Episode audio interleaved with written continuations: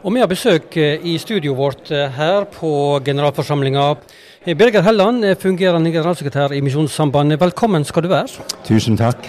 Hvordan er det være samla nå til generalforsamlingsdager i Misjonssambandet? Ja, Det er jo flott å få lov å samles nå. Nå det jo, ble det jo fire år siden sist. Og jeg tror mange har sett fram til, og med forventning nå, om å komme sammen igjen. Og det er jo flott å se unge og gamle, barn og voksne samla. Og vi hadde en veldig fin oppstart i går. Du rundt 3500 deltakere. Dette er altså fire år siden sist. Det skulle egentlig vært i fjor, men pga. pandemien ble det utsatt. Eh, hvordan er du fornøyd med oppmøtet?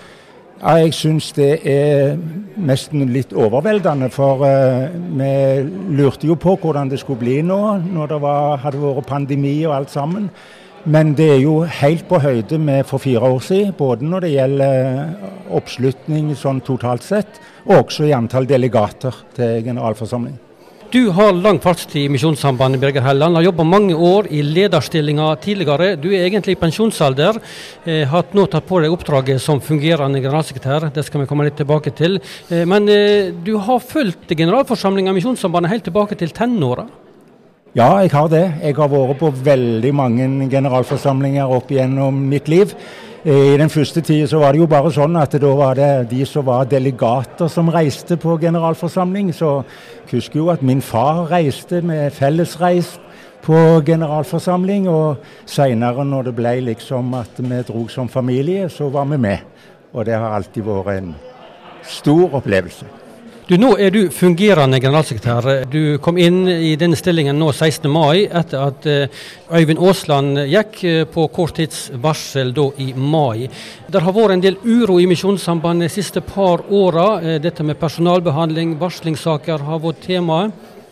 Hvordan tenker du at generalforsamlinga vil håndtere dette nå, når, det skal, når dere samles nå disse dagene her? Ja, nå er jo denne uroen beskrevet eh, både i innledningen til fireårsmeldingen og eh, spesielt også kommer den til uttrykk i eh, kontrollkomiteen sin rapport til generalforsamlingen.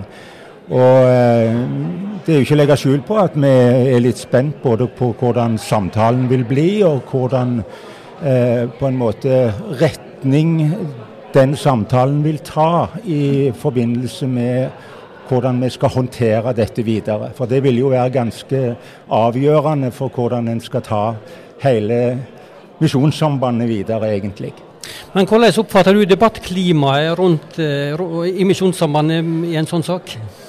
Ja, jeg vil vel si det at vi opp gjennom åra har eh, opplevd og hatt vanskelige saker til behandling mange ganger. Jeg syns stort sett at det har blitt eh, behandla på en fortrolig og ja, eh, personlig god måte. Vi har hatt gode ordstyrere, og det tror jeg vi vil ha nå òg.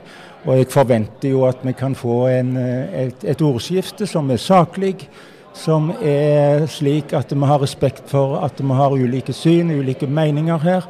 Eh, og samtidig så vi, vil vi jo ikke, ønsker vi jo ikke å legge lokk på noe av den eh, spenningen og uroen som folk bærer på.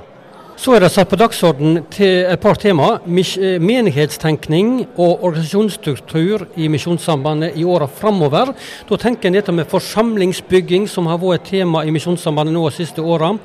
Annet og, og, Der er et punkt eh, som kanskje blir mest eh, omdiskutert, det er dette om kvinner skal få sitte i øverste styre, sentralstyret som det blir kalt, og opprettes et nasjonalt tilsynsråd bestående av menn.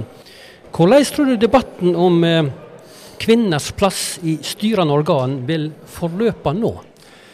Først har jeg lyst til å si at den, det dokumentet som ligger til grunn for de grunnregelendringene som foreslås i denne forbindelse, som går på menighetstenkningen i NLM, det syns jeg er et veldig godt grunnlagsdokument som eh, jeg gir min fulle og hele tilslutning til.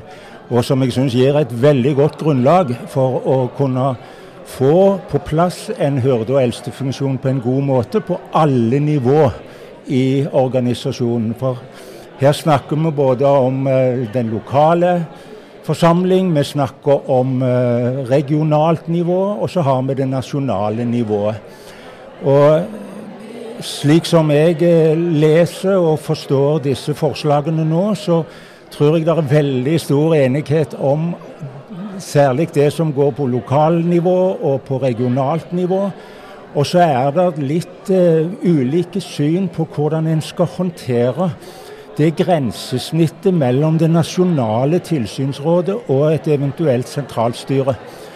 Her snakker vi jo om saker som er av læremessig karakter. Og det er et uttrykk som er litt vanskelig å definere. Eh, og det er, jo, det er, jo, saker av læremessig karakter som tilhører tilsynsrådet. Eh, og hvor er det grensesnittet? Det må vi nok gjerne bruke litt tid på å kunne definere og finne godt ut av. Jeg tror debatten vil gå på mye av det. Selve tjenestedelingsprinsippet det opplever jeg ligger fast. og egentlig få som ønsker å, å rokke ved det. Det er at det er forskjell på tjeneste mellom mann og kvinne, ja. altså. Ja, ja. En annen sak det er misjonsstrategi.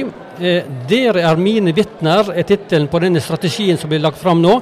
Der en tenker en kortfatta, samlende strategi for alt Misjonssambandets arbeid, enten det er utenriks eller innenriks. Ja.